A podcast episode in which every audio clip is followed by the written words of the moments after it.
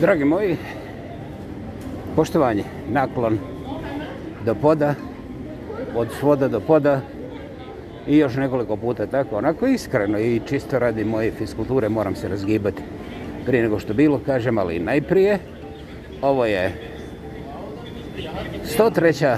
slama sa vama, samoproglašen lingvistički aktivista, monumentalno autentični, ja pa ja, ko bi drugi Vladimir, kreće ispod predivnih, ali totalno zaleđenih stjenovitih planina.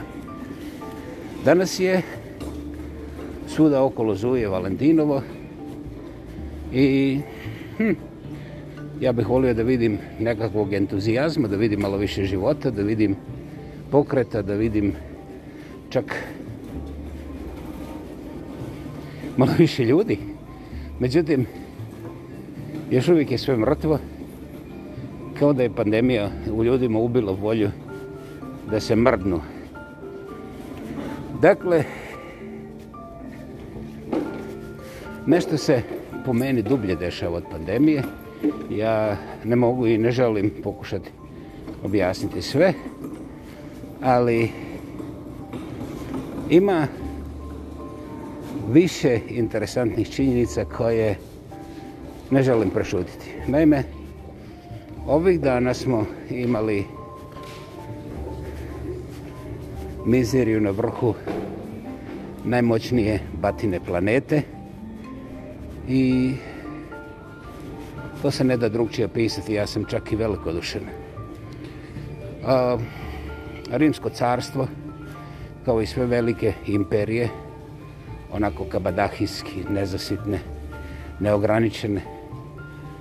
Jedina sila u svome vremenu koja je mogla da radi što je htjela i zamislila, se nije raspala od nekakvih vanjskih dušmana, jer su oni bili gotovo samljeveni, prestrašeni, osiromašeni i pošteno govoreći, nisu imali s čime da se bore.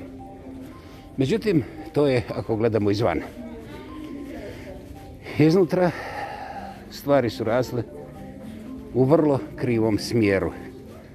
Mada se gomilalo oružje, na isti način se gomilalo i smeće metabolizma, znači varenja svega toga što uključuje neograničenu veliku moć jedne imperije i ona se tu nema nesporazuma, sve to, sve to znate imali ste dovoljno vremena da naučite kao i ja, urušila, raspala se iznutra. Nije osvojio neko treći, nego se urušila sama u svojim, he, vrlo rado ću reći govnima, zbog toga što da su ih na vrijeme uklanjali, da su otvorili prostore za ventilaciju i da su ostavili prostora za čiste zone, za život, za revitalizaciju, a ne samo za orgije, onda bi mogli poživjeti znatno duže. Opet, ne za uvijek, jer interesantno, božanska moć je iznad svega, samo je Bog za uvijek, sve ostalo prolazi. Ovo ne morate ni vjerovati, niti se sa mnom slagati, međutim, dobro je da zapamtite. Pa da pogledate okolo sebe za jedno 5, 50, 500 godina. Zavisi kako će ko živjeti. Ja ne namjeravam tako dugo, ali ponavljam. Niko i ništa nije ovdje zauvijek izuzev Boga. Dakle, sve imperije propadaju. Ja sam uvjerenje da smo svi skupa svjedočili, naravno da se ne slažemo u viđenju, ali ja sam uvjerenja. vjerenja da smo upravo ovih mjeseci prisustovali mizernom pogrebu jedne nevjerovatno moćne imperije koja je u svojoj bahatosti ne samo spustila istinu u kanalizaciju, nego je zdravi razum izložila totalnom genocidu smisla i odgovor univerzuma još nisu primijetili. Međutim, ja ne želim da učestvujem u bilo kakvom opisu. Ja samo konstatiram ovih dana, bez obzira na, vaš, na naša neslaganja, smo prisustovali pogrebu najveće imperije ovog zadnjeg stoljeća. Naravno, ako ćemo razglabati o demokracijama, znate, i sam Sokrat je najebo što je rekao da demokracija nije za nepismene, nekvalificirane, moj to dobro, on nije koristio moj riječnik. Međutim, o tome ništa. Ja bih o mojoj radosnoj temi Valentinova pod naslovom Svinje i Valentina, ja sam ga pratio, šta je znam, od uvijek. Vjerovatno od prije Krista. I danas smo tu. Ono što mi je posebno zanimljivo u ovom takozvanom modernom, naprednom, nezadrživo i neopisivo moćnom suvremenom svijetu je da je ovako zadriglo primitivan. Da su najpismeniji i najglasniji i da posljedica za totalno pretvaranje, laganje, manipulacije. Ne samo da nema, nego ljudi koji postavaju pitanje zašto se to radi, odmah bivaju izlošeni baražu nevjerovatnih psiholoških i psihijatrijskih intenzivnih aktivnosti svih koji to ne samo čuju, nego i naslute. A ovaj terorizam zdravog razuma nije uopće zabilježen kao nešto nedobrodošlo, jer to je ono kao daj da te ja prosvjetlim. Interesantno, mi smo prvi put primijetili opadanje kolektivnog pocijenta inteligencije prije 20 godina, a umeđu vremenu rast ovih prosvjetitelja na svakom koraku je bio gotovo histeričan. Čak se više ne broji svako, ko čuje nekoga drugoga da kaže nešto, odmah zna da to nije tako i dođe ovo da ti ja objasnim pa ćeš vidjeti kako je to ovako ili onako. Ah, ovo se samo po sebi objašnjava, tu ja ne trebam tre, ne reći niti slova dalje, međutim, to nije nikakva opasnost, jer to je bolest, to je kancer koji je upravo sada u svim porama našeg i duhovnog, i intelektualnog, nažalost, društvenog i privatnog života. Zašto je tako? Pa, evo otprilike nešto što će vrlo jednostavno i moćno objasniti. Naime, ako se ja nekom ne sviđam, što je znam, recimo, e, govorim previše, tragično, to je stvarno veliko, veliki napad na ljudske slobode, što ja govorim previše, jedan od lijekova je mogao biti i odite negdje drugdje, slušajte nekoga drugoga, jer ja neću trčati za vama nikada. Međutim, umeđu vremenu zapamtite, meni je vrlo jasno da onog momenta kada sam za nekoga ružan, tog istog momenta sam postao za nekog drugog lijep, mada on pojme nema o tome. Interesantno, ali to je prirodno, to je božanski zakon odgovora univerzuma. Naime, ako kažete noć, ona ne može postojati ukoliko nema dan. Ako kažete svjetlo, ne može postojati ako nema mrak, jer ako je sve svjetlo, onda se mrak... Mrak ne postoji nigdje. I onda, što je zanimljivo, onda je sve da, onda smo svi zdravi i onda je sve idealno. Znate, u bilo kojoj logici zdravog razuma, to se zove kristalna rešetka, a to znači apsolutna smrt. Dakle, čim nešto pokrenete, čim mrdnete, najmanji mrdac, najmanji prdac ima odgovor u univerzumu. I on tendira da bude otpor. Dakle, ako ste za nekoga ružni, glupi ili previše pričate, istog momenta, to nije nikakva politička priča, to je suština egzistencije u ovom univerzumu, nama poznatom, tog istog momenta postoji neko drugi koji će reći, ha, ha, ha, ovi ga mrze, dakle mi bi ga mogli voljeti, jer to je tako i tako. Eto, to je ono što su meni davno govorili stari, što sam ja čitao i ponavljaju, od čega sam pravio jeftine viceve, jer vrlo je teško shvatiti šta univerzum radi u mom životu, što ja naravno ne znam ni danas, ali da su ove poruke kao čim se pojavi mrak, to je prvi i osnovni uvjet da se automatski pojavi svjetlo. Možda ne tu gdje je tvoj mrak, ali ne brini, na sljedećem koraku će zasvjetliti. Dakle, čim se pojavi akcija, istog momenta se pojavlji i reakcija često puta na istoj zoni, ali, Bože moj, ima to i variacija, međutim, suštinski princip je isti. Dakle, ne zaboravite to.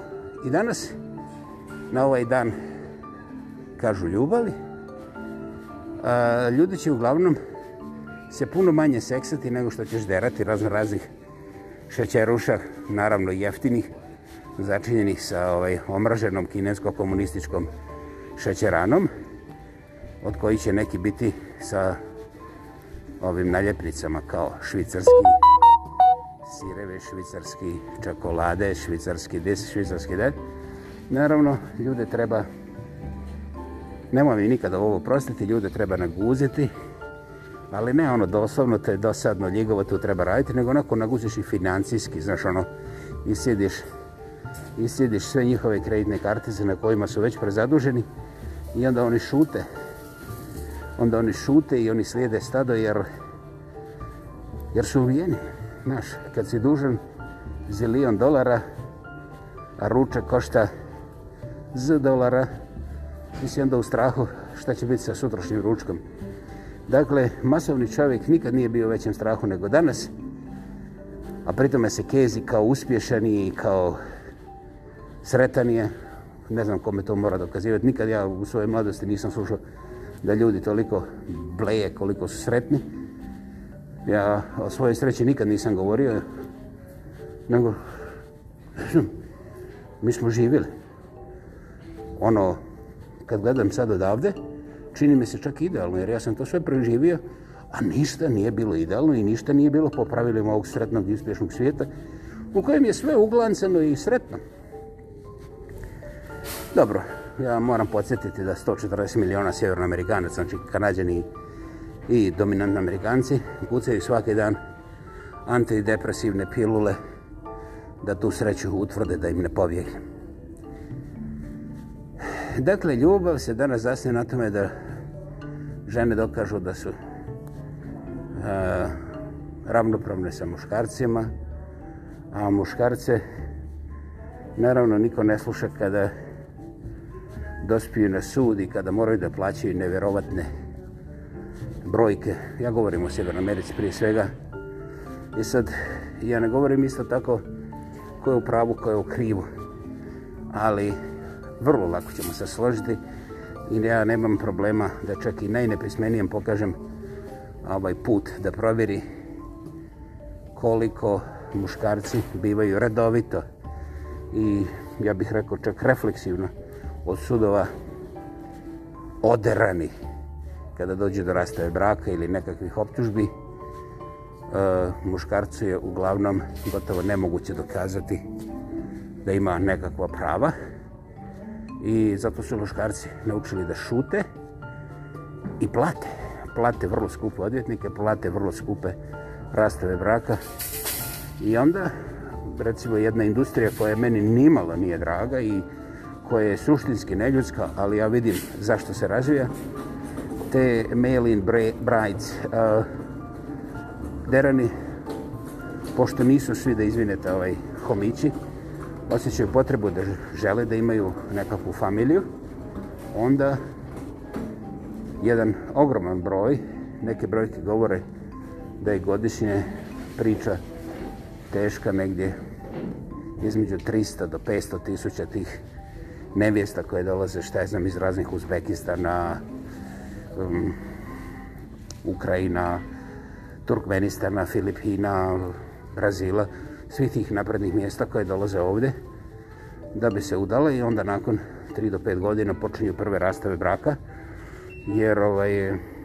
one su znale zašto dolaze i ja ne mogu da ih krivim tako da vrlo malo tih brakova, relativno vrlo malo brakova, završi u onome što bi trebalo biti brak, a to je porodica koja će trajati 10, 15, 20, pa, bože moj, čak i duše godina.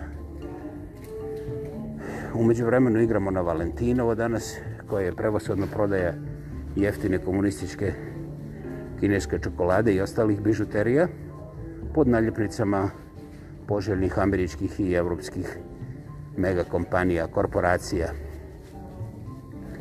Da li je to mučnina? Ne znam, pitajte Sartra. Između dva svjetska rata on je napisao stvarno mučan roman o mučnini koji nema veze sa ovim što vam ja govorim, ali ima veze sa egzistencijom. I ovaj,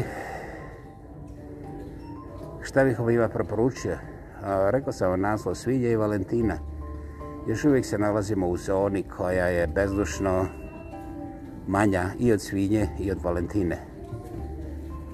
Um, bespomoćnim ostaje samo nada, a ja bih dodao iznad duše i onima koji vjeruju da D može i stvarno hoće jednog dana narasti u dobro za sve nas, nada ipak ima smisla.